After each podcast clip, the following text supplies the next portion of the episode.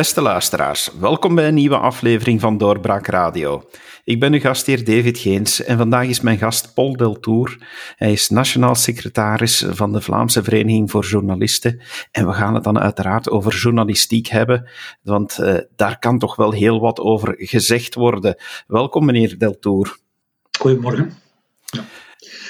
Meneer Deltour, de Vlaamse Vereniging voor Journalisten heeft uh, zo net een memorandum uh, gepubliceerd met daarin toch behoorlijk wat punten die ze onder de aandacht wil brengen van de beleidsmensen in ons, in ons land op alle niveaus. Daar zitten heel wat punten in en daar straks, uh, straks gaan we daar op, op een aantal punten nog wat op, dieper op ingaan.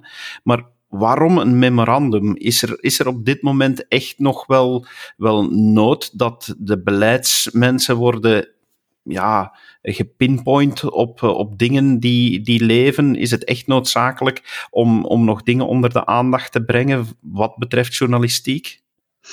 Ja, we denken toch van wel. Um, het memorandum uh, situeert zich in een lange traditie bij ons. Uh, ja, ik heb het nooit anders geweten, dus dat we als beroepsvereniging een uh, memorandum uh, opstellen op uh, regelmatige tijden en dat dan ook ja, verspreiden.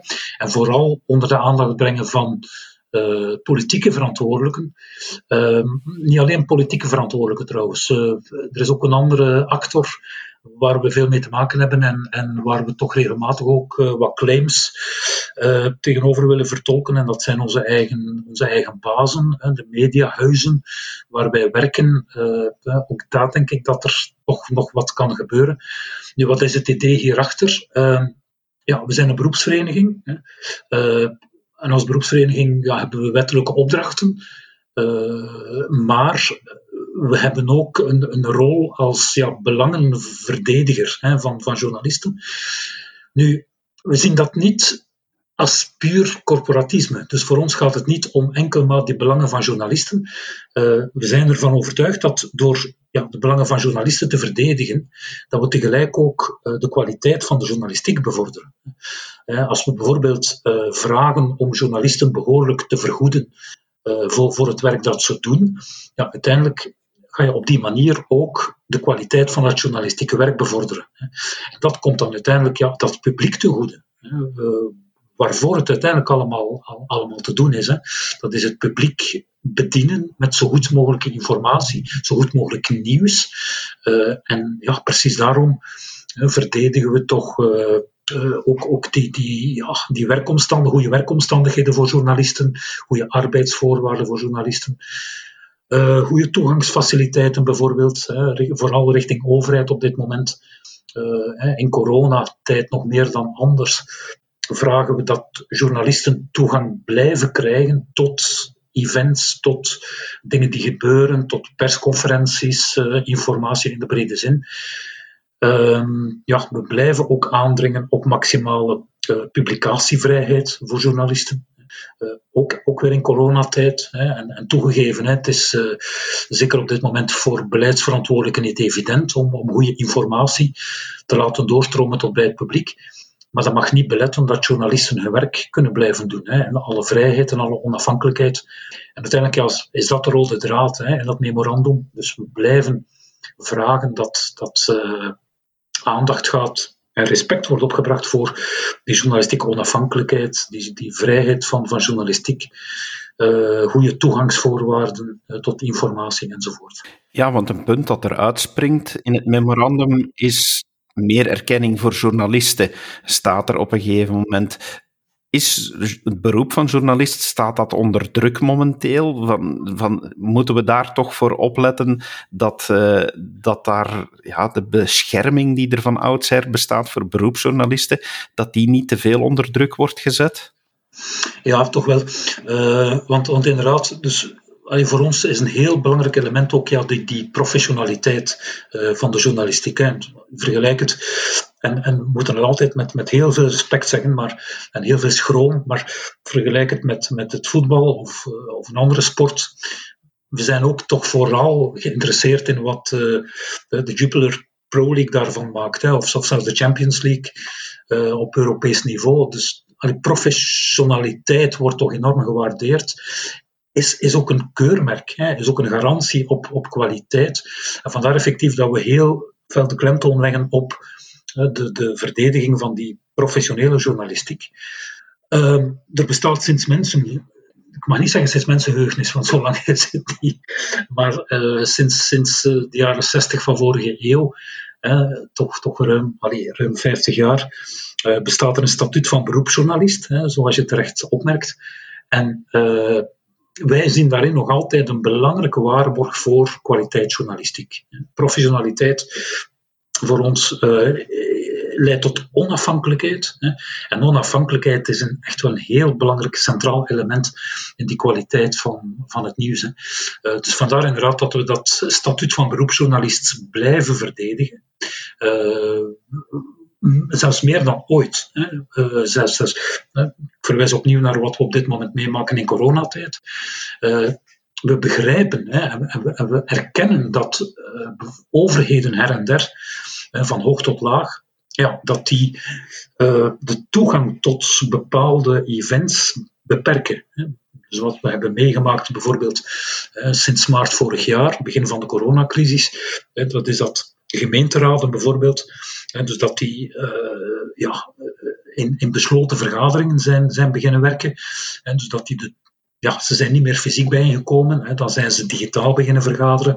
Hè, en dan hebben uh, journalisten, ja, jammer genoeg, moeten vaststellen dat die digitale vergaderingen niet toegankelijk waren voor, voor hen. Hè.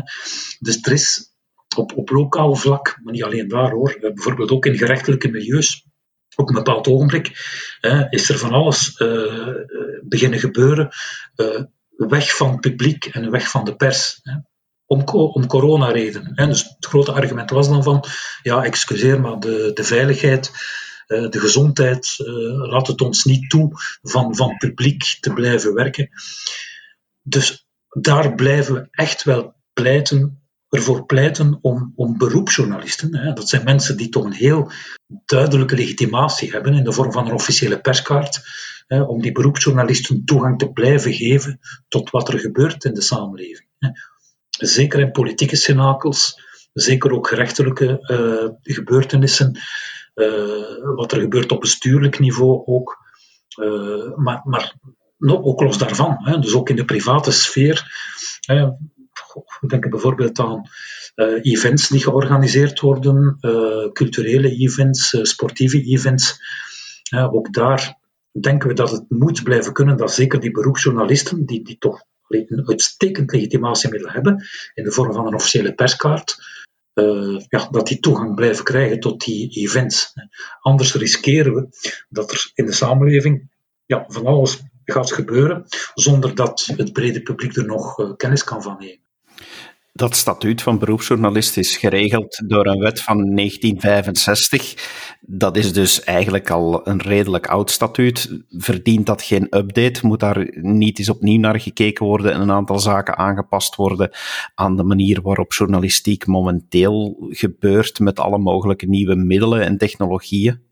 Ja, uh, ik, ga daar twee dingen op antwoorden. Ten eerste, uh, die wet, wordt, uh, wet van 1963 wordt vandaag anders en moderner toegepast dan in, in de vorige eeuw. ik bedoel daarmee internetmedia bijvoorbeeld, doorbraak, noem maar iets, die worden absoluut ook gerekend tot ja, die, die categorie van van, van, uh, van nieuwsmedia, hè, professionele nieuwsmedia, waar dus mensen werken hè, die dan, als ze dat voldoende professioneel doen, die dus in aanmerking komen voor het statuut van beroepsjournalist. Dus de invulling, de interpretatie, de toepassing van die wet gebeurt op dit moment al modern, hè, op, een moderne manier. Toegegeven um, dat, dat, dat altijd nog beter kan. En dat dat nog altijd nog moderner kan. Uh, en vandaar ook dat we op dit moment met het VVE-bestuur en, en, ook met de Franstalige collega's erbij, want dit is de federale materie, uh, dat we aan het werken zijn op een nieuwe tekst van de wet, die inderdaad nog meer inspeelt op de huidige uh, mediacontext en, en de huidige journalistieke omgeving, waarbij dus nog meer dan nu wordt rekening gehouden met, zoals je terecht signaleert, hè, die nieuwe varianten van, van, van journalistiek. ja, om maar eens te zeggen, die wet van 1963 die spreekt nog altijd over filmjournaals. Ja, ik denk dat iedereen wel beseft dat we daar intussen al vele decennia voorbij zijn. Internet daarentegen wordt niet letterlijk genoemd in de wet van, van 1963. En dat is dan ook de oefening dus die we op dit moment aan het maken zijn en uh, wat we heel binnenkort toch wel ook richting politieke verantwoordelijken willen mee stappen. Hè, dus de federale overheid uh, meer bepaalt, om te vragen om die wet van 1963 te moderniseren. Hè, en, en effectief ook, ook textueel uh, veel beter en te laten inspelen op, op de huidige mediacontext en de huidige journalistieke context. Een heel hoofdstuk in het memorandum gaat ook over de persvrijheid. Dat is uiteraard iets wat dat uh, altijd enorm belangrijk blijft. We zitten in een periode waarin er heel veel wordt gesproken over fake news, uh, hate speech. En niemand zal er tegen zijn dat tegen die dingen wordt opgetreden en, en dat we daar alert moeten voor zijn, ook als journalisten. Maar ja, als, de, als de overheid daar gaat op ingrijpen en uh, daar, daar acties wil tegen ondernemen, vreest u dan dat, dat we moeten heel hard opletten dat de persvrijheid gegarandeerd blijft? Ja, absoluut. Ik denk dat dit een van de, de grote aandachtspunten wordt de komende jaren. Hè. Zoals je zegt, hè, dus het is, het is ergens begrijpelijk hè, dus dat men daar ook politiek aandacht aan besteedt, uh, aan die thema's fake news, desinformatie, hate speech. Uh, denk alleen maar aan, opnieuw, om bij de actualiteit te blijven, ja, corona. als je ziet welk fake news daarover circuleert, dat bovendien ook gevaarlijk is. Hè. Gevaarlijk voor de volksgezondheid. Ja goed, dan, dan kun je ergens toch wel begrip opbrengen hè, voor die politieke aandacht en, en die politieke ambitie. Trouwens, dat trekt zich ook door op het niveau van ja, big tech. Hè. Dus de uh, meer bepaald sociale mediabedrijven, uh, Facebook, Google, Twitter, uh, zijn er intussen ook, ja, ze zijn intussen ook wakker geschoten, zou ik kunnen zeggen. en ze beseffen dat, dat daar inderdaad van alles moet gebeuren. dat, dat, dat, ja, nieuws niet zomaar vrijuit kan blijven circuleren, dat daar op zijn minst alerts moeten bij geplaatst worden, en dat, dat hier en daar mogelijk zelfs eens iets moet worden tegengehouden. Uh, en dan, dan zit men natuurlijk rap over censuur te spreken. Dus er is van alles aan het gebeuren. Nu, wat, wat ons daarin toch vooral bekommert, dat is dat uh, we goed moeten oppassen dat daar geen uh, collateral damage plaatsvindt op een bepaald moment voor journalisten. Dus, dus, dat is het grote aandachtspunt hè, voor ons. En in die zin zijn we allee, toch wel wat gerustgesteld op dit ogenblik door uh, de verklaring van, van concreet de minister van Justitie, federaal uh, Vincent van Quickenborn, die gezegd heeft, goed, ik maak werk van een strengere aanpak van hate speech. maar fake news, desinformatie, dat blijf ik voorlopig af. Het is te moeilijk, het is te delicaat. Wat is desinformatie, wat is fake news? Heel, heel moeilijk debat. Dus op dat vlak uh, zegt hij, neem ik voorlopig geen initiatieven. Maar wat hate speech betreft, ja, oké. Okay. dus daar bereidt hij op dit moment dus een, een voorontwerp van, van wet voor. Het is eigenlijk een voorontwerp van aanpassing van de grondwet, hè, dat hij aan het voorbereiden is om hate speech strenger aan te pakken. Hè. Dus concreet wil hij dan hate speech gaan correctionaliseren. Uh, en dus je moet weten dat uh, op dit moment, als er hate speech uh, verspreid wordt via de pers, via, via media, ja, dan komt dat voor het Hof van Assise.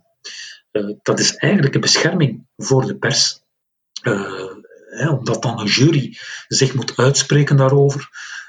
En dus wat de minister van Justitie nu zegt van, is van, oké, als, als hate speech via de pers uh, nog gebeurt, hè, dan wil ik dat wegtrekken van het Assise, dus wegtrekken van die buffer eigenlijk, van die bescherming van het Assise, en dus toe vertrouwen aan gewone correctionele rechtbanken.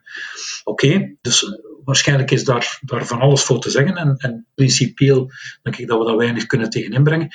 Niettemin willen we absoluut vooraf goed weten hoe de minister van Justitie uh, en dus de grondwetgever hè, dat begrip hate speech gaan definiëren. Wat, wat wij willen vermijden, en dat is dat, ik zeg nu maar iets, dat een journalist die op een bepaald ogenblik een extremist aan het woord laat, ja, dat die journalist uiteindelijk ook zal worden aangepakt wegens hate speech. Hè. Gewoon omdat men een extremist aan het woord gelaten heeft. Dus, dus dat moeten we ten alle tijde vermijden. Hè. Dus, dus we moeten er goed op letten dat de aanpak van hate speech, hè, dus waar op zich van alles voor te zeggen is, hè, niet ten koste gaat van uh, professionele journalistiek, van, van reguliere journalistiek, hè, van journalisten die hun werk doen en die op een bepaald ogenblik ook ja, uh, uh, extremisten aan het woord laten of, of, of, daar aandacht voor hebben. Dus, dus dat zijn de dingen inderdaad waar we goed moeten opletten. We zullen inderdaad moeten toekijken en, en, heel goed alert blijven om te zien wat met dat artikel 150 van de grondwet gebeurt. Want ik denk toch wel dat we als journalisten kunnen zeggen dat we, dat we echt wel die grondwettelijke bescherming willen, willen houden en dat niet zomaar alles wat we, eh, wat een drukpersmisdrijf en hopelijk dan bij uitbreiding ook alles wat naar de nieuwe media daartoe betreft, ja, dat daar toch die bescherming in blijft met die zware procedure van, van een assiseproces. Uh, ik, uh, ik vraag me dan af, staan jullie als VVE uh, er ook alert voor dat, dat die bescherming blijft? Ja, ja de, absoluut. Als het dus gaat om, laten we zeggen, gewone persmisdrijven. Hè. dus een journalist die beschuldigd wordt van laster hè, of eeroof, hè, uh, dus op dit moment heeft die journalist het, het voorrecht, hè, komt het eigenlijk op neer, hè, het is eigenlijk een privilege, hè, om voor het Hof van Assise te mogen komen. Uh, dus wij blijven ervan overtuigd dat dat een, een absoluut actueel blijft. Hè, dat dat heel, heel, uh, een heel belangrijke manier is om de persvrijheid te beschermen. je moet weten, iedereen die, die dat wil, eigenlijk kan iedereen die zich op een bepaald moment benadeeld voelt door een journalist, ja, die, die zou, iedereen die dat wil, die zou kunnen zeggen, ja, ik, ik ben belasterd. Hè, of, of mijn eer is, is uh, aangetast. Hè. Uh, dus die klacht is, is heel snel, is onmiddellijk geformuleerd. Hè. En als men dan, hè, gewoon al, alleen al maar door die klacht te formuleren, hè, als men dan zou kunnen bereiken dat die journalist zich eh, bij wijze van spreken drie maanden nadien moet gaan verdedigen voor de correctionele rechtbank, ja, dan is het hek van de dam. Hè. Dus dan vrezen wij gewoon een cascade van strafrechtelijke uh, procedures tegen journalisten. Dan gaat de ene na de andere journalist uh, gedwongen worden van zich correctioneel te moeten gaan verdedigen. Uh, en, en, ik denk dat dat een heel zware bedreiging zal zijn voor, voor de persvrijheid. Hè. bovendien, in het buitenland merken we dat, dat er precies een tegengestelde beweging is. Dus overal in het buitenland, en ook Europa trouwens, beveelt heel sterk aan dat uh, persdelicten, dus dergelijke persdelicten, dus laster, eeroof en dergelijke meer, dat die dus uit de strafwet gehaald worden, dat die dus niet meer correctioneel uh, kunnen, kunnen worden aangepakt. Ja, wat blijft dan over? Dat is de, de gewone burgerrechtelijke procedure. En oké, daar zijn wij niet tegen. Dus daar, kunnen wij niet tegen zijn.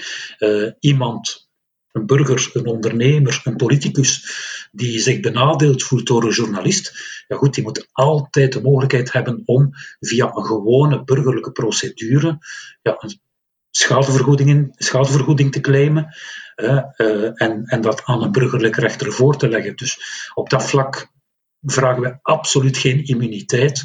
Uh, dus, dus, staan wij open voor, voor, voor wat er komt.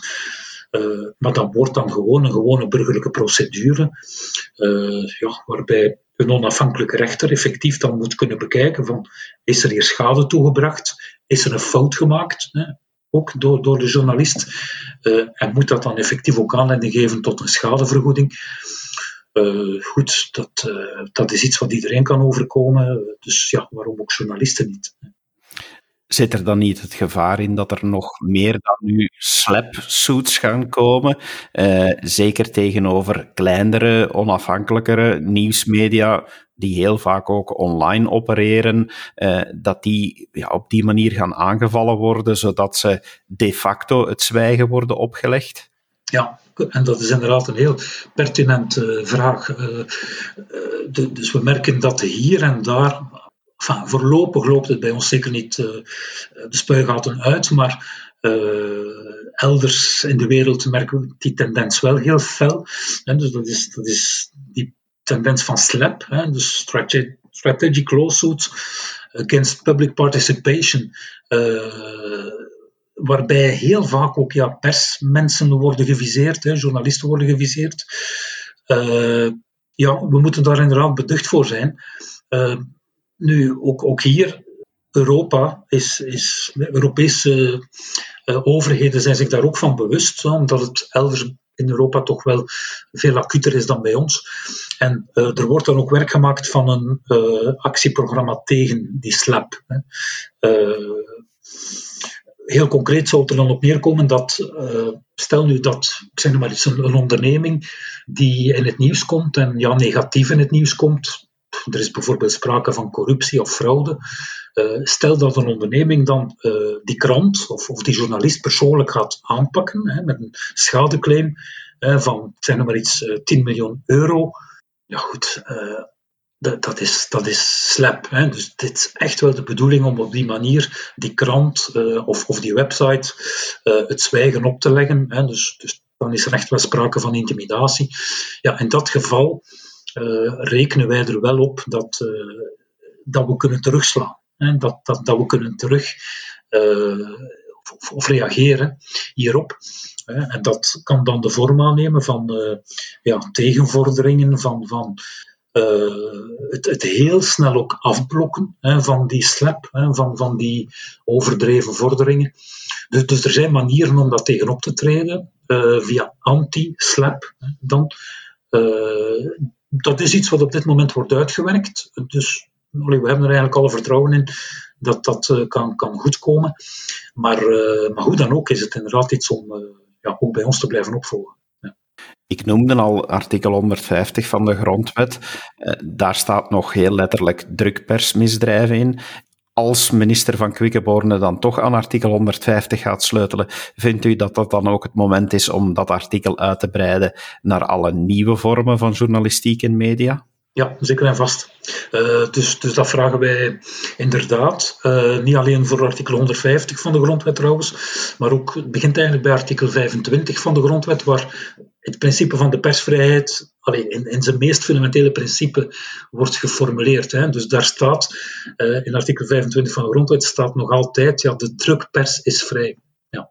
Dus, uh, what's in a word? Hè? Dus de drukpers, druk, pas op, hè? dus drukpers blijft een, een belangrijk uh, communicatiekanaal, ongetwijfeld. dus kijk maar naar de kranten, de magazines, die nog altijd worden gedrukt en, en verspreid. Maar inderdaad, internet staat daar nog niet in. Hè? Zelfs de omroepen Zelfs de omroepen staan nog niet in, in dat artikel over de persvrijheid, uh, artikel 25 van de grondwet. Dus dat is inderdaad de eerste vraag die, die we stellen aan uh, de overheid, dus de grondwetgever. dat is van dat artikel 25 uit te breiden tot alle informatiemedia. Hè.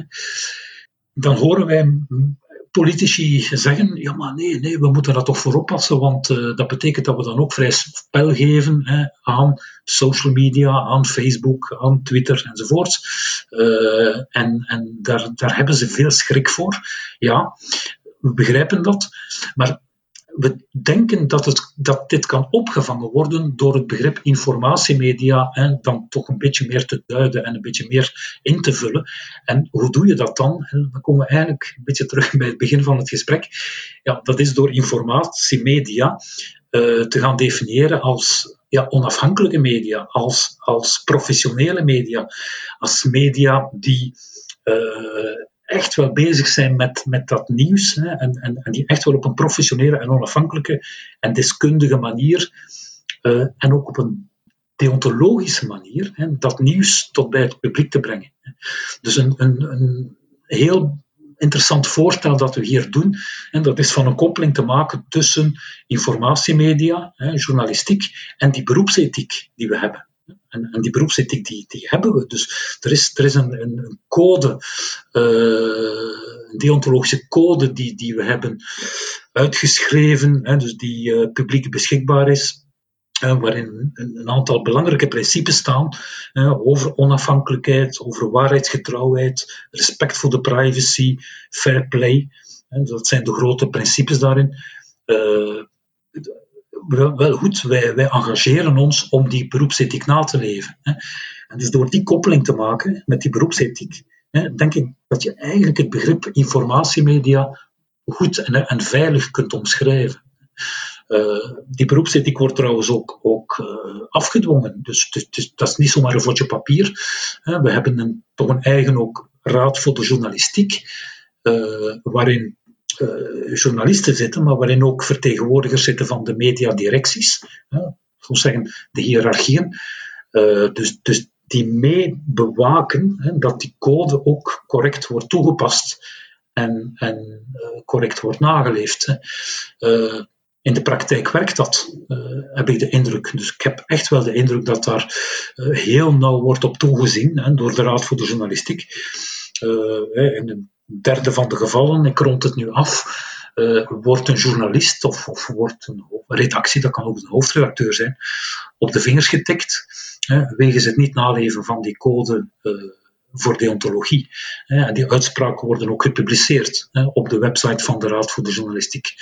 Worden ook gepubliceerd in ons eh, ledenmagazine, de journalist. Dus op die manier uh, circuleert dat ook en, en wordt daar blijvende aandacht op gevestigd. Dus ik denk dat, die koppeling een heel interessante manier is om uh, uh, het begrip informatiemedium of nieuwsmedium of journalistiek concreet te definiëren. Deze legislatuur gaat er waarschijnlijk ook, wordt toch aangekondigd, een fiscale hervorming komen. Is, uh, is het beroep van journalist iets wat, uh, wat daar speciale aandacht in verdient? Uh, staat staat remuneratie van journalisten momenteel onder druk door de concentratie in, in het medialandschap? Moet, moet de overheid daar speciale aandacht voor hebben omtrent het sociaal statuut en zo? Um, in het algemeen, uh, misschien een boetade, maar, maar uh, journalisten zijn geen grootverdieners. Dus van journalistiek word je niet rijk. Hè. Dus dat, uh, dat misschien toch, toch voorop stellen. wat niet belet dat journalisten gewoon hun brood verdienen. Hè. Dat, dat, dat, nogmaals, hoogvliegers, een paar individuele uitzonderingen daar gelaten misschien, maar hoogvliegers treffen daar echt niet aan. Journalisten verdienen gewoon hun brood. Maar wat, wat wel toch daarbij moet aangevuld worden, dat is dat toch een belangrijke groep van journalisten dat wel ondervallen. Hè. Dus dat, we merken toch dat uh, zeker bij de freelancers uh, in de journalistiek, dat er op dit moment toch mensen zijn die het echt wel heel moeilijk hebben op financieel vlak. En die freelancers, ja, dat is een belangrijke groep. Dus we merken dat die groep toeneemt. Één op de vier hè, beroepsjournalisten uh, is op dit moment freelancer. Uh, en ja, dat, dat uh, veel, veel van die mensen hebben het financieel moeilijk. Dus dat, dat, dat kunnen we gewoon niet, niet ontkennen.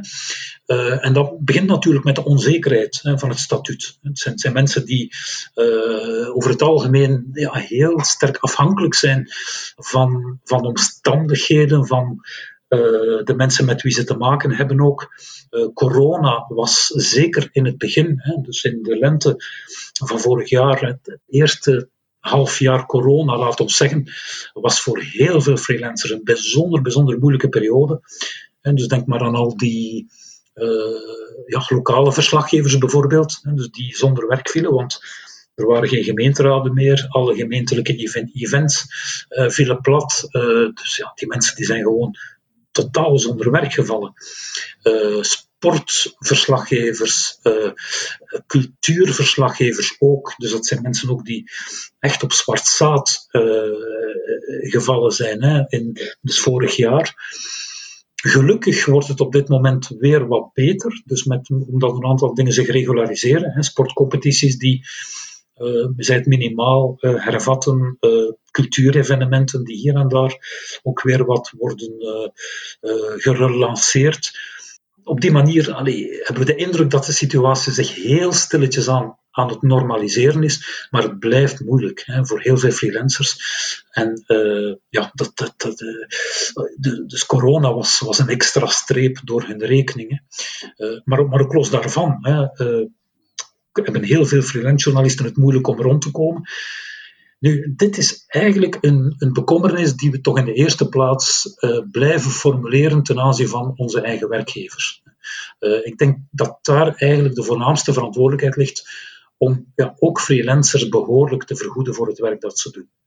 En de overheid kan dat altijd stimuleren. Hè. De overheid kan, bijvoorbeeld altijd via het mediasteunbeleid voorwaarden koppelen, hè, bijvoorbeeld ook op het vlak van de vergoeding van, van journalisten.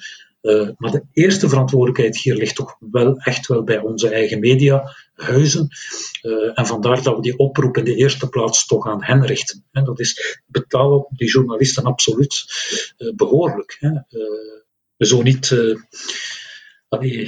blijven die mensen heel onzeker en, en veranderen ze ook heel vaak van job. Hè. Want we merken bij freelance journalisten ook een groot verloop. Dus mensen, jonge mensen beginnen eraan met heel veel moed en, en heel veel enthousiasme. Uh, maar ja, na zes maanden of na een jaar stellen ze vast dat het niet lukt, hè, dat men niet rondkomt hè, met dat journalistieke werk. En dan zoekt men weer iets anders. Hè. Dus, dus, dus, ook daarom ook hier weer een beetje wat, wat allee, aan het begin gezegd is ook. Dus je kunt die koppeling maken met kwaliteit van het werk. Hè. Als je een voortdurende doorstroming hebt van jonge mensen. Uh, en alle respect voor, voor jonge mensen hè, en hun enthousiasme. Maar dat is niet altijd bevorderlijk voor de kwaliteit. Als je om, om het jaar, bij wijze van spreken, een correspondent moet gaan vervangen. Uh, omdat uh, omdat die het financieel niet kan bolwerken uiteindelijk is dat ook niet bevorderlijk voor de kwaliteit van het nieuws. Uh, dus ook daarom uh, dat heel felle pleidooi om, om toch meer aandacht te hebben, ook voor de loon- en arbeidsvoorwaarden van journalisten. Ja, spaar journalisten soms een beetje. Uh, want we hebben het nu over de verloning, dat is een heel belangrijk aspect. Maar nog een ander aspect als het gaat over het, het, het arbeidsstatuut van journalisten, dat is de werkdruk. Dus ook, dat is iets waar we soms, soms, soms alleen nog meer negatieve signalen over krijgen dan over de vergoeding. Uh, dat is de werkdruk. Hè. En, en, dan zeker bij, bij mensen in vaste dienst, hè, loontrekkende journalisten, uh, die klagen. Loontrekkende journalisten klagen eigenlijk meer over de werkdruk dan, dan over de vergoeding. Hè. Uh, dus de heel zware werktijden, het, het niet kunnen opnemen van recup, het moeten doordraven, dag en nacht, weekenddiensten, vakantie enzovoort. Eh, corona was voor eh, nogal wat journalisten een hele, hele harde dobber. Uh, er zijn ook mensen aan, onder, aan onderuit gegaan, dus mensen zijn ziek geworden, konden het op een bepaald moment niet meer aan. Dus ook die werkdruk is, is, iets waar we aandacht voor vragen, wat de arbeidsomstandigheden betreft. U sprak daarnet over mediasteun. Vindt u dat het de taak van de overheid blijft om steun te geven aan de media op, op eender welke manier? Is de mediasector iets wat, uh, wat van die aard is dat, uh, dat er moet ondersteuning komen van de overheid? Uh, of, of moet daar tegenwoordig gewoon de vrije markt in spelen? Ja, um, ja media of overheidssteun aan de media is, is, is ja, denk toch wel van alle tijden. Hè. Uh, en uh, komt ook voor, voor in allerlei vormen. Hè. Dus begint bij ons met een openbare omroep die publiek gefinancierd wordt. Ja, dat is natuurlijk een heel uitgesproken vorm hè, van overheidsinvestering in, uh, in, in informatie en in nieuws. maar daarnaast heb je inderdaad ook allerlei steunvormen in de vorm van meer afgeleide financiering. Hè. Bijvoorbeeld regionale omroepen uh, worden ook gefinancierd. Uh, maar ook private nieuwsmedia ja, krijgen steun van de overheid. Hè. dus als we concreet kijken naar kranten en magazines in hun gedrukte vorm, ja, die genieten nog altijd overheidssteun in de vorm van, van, van ja, postbedeling. Dus die, die gratis gebeurt.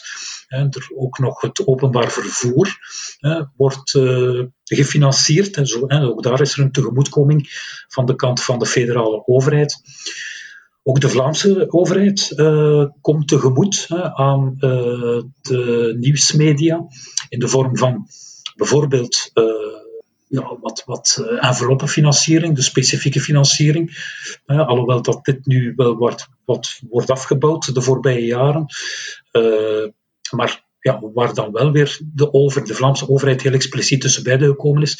dat is in het kader van corona, in de vorm van overheidsreclame. dus, dus er is, via overheidsreclame is, is het brede spectrum van professionele nieuwsmedia in Vlaanderen ja, voor een stukje toch wel extra gefinancierd hè, in de moeilijke tijden.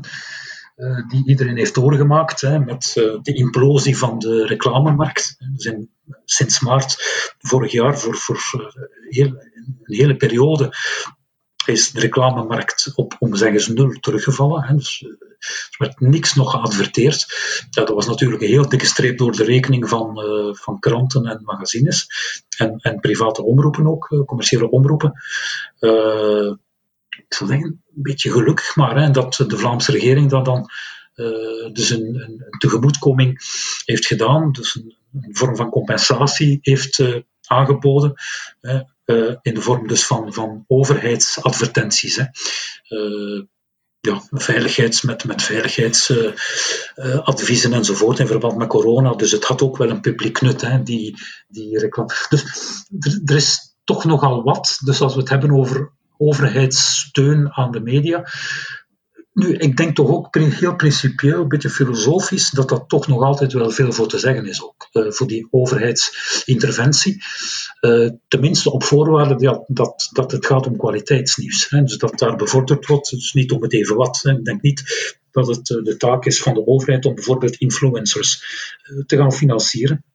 Daar heb je absoluut niet de garantie dat je te maken hebt met kwaliteitsinformatie. Maar als het gaat om, om professionele, onafhankelijke nieuwsmedia, ja goed, ik denk dat iedereen het er wel over eens is dat die een heel belangrijke rol spelen in het democratisch proces van, van informatie aan, aan de bevolking, toelaten dat de bevolking participeert in het politieke leven. Uh, dus in die zin uh, uh, spelen media toch echt wel ja, ook een publieke rol. En, en denk ik toch wel dat die overheidsinterventie uh, te verantwoorden is. Hè. Maar tegelijk uh, begrijpen we absoluut dat de overheidsinterventie gekoppeld wordt aan kwaliteitswaarborgen. Dus dat men wel garanties vraagt hè, van de kant van de media, hè, dus dat, dat dat geld dan goed terechtkomt. Hè.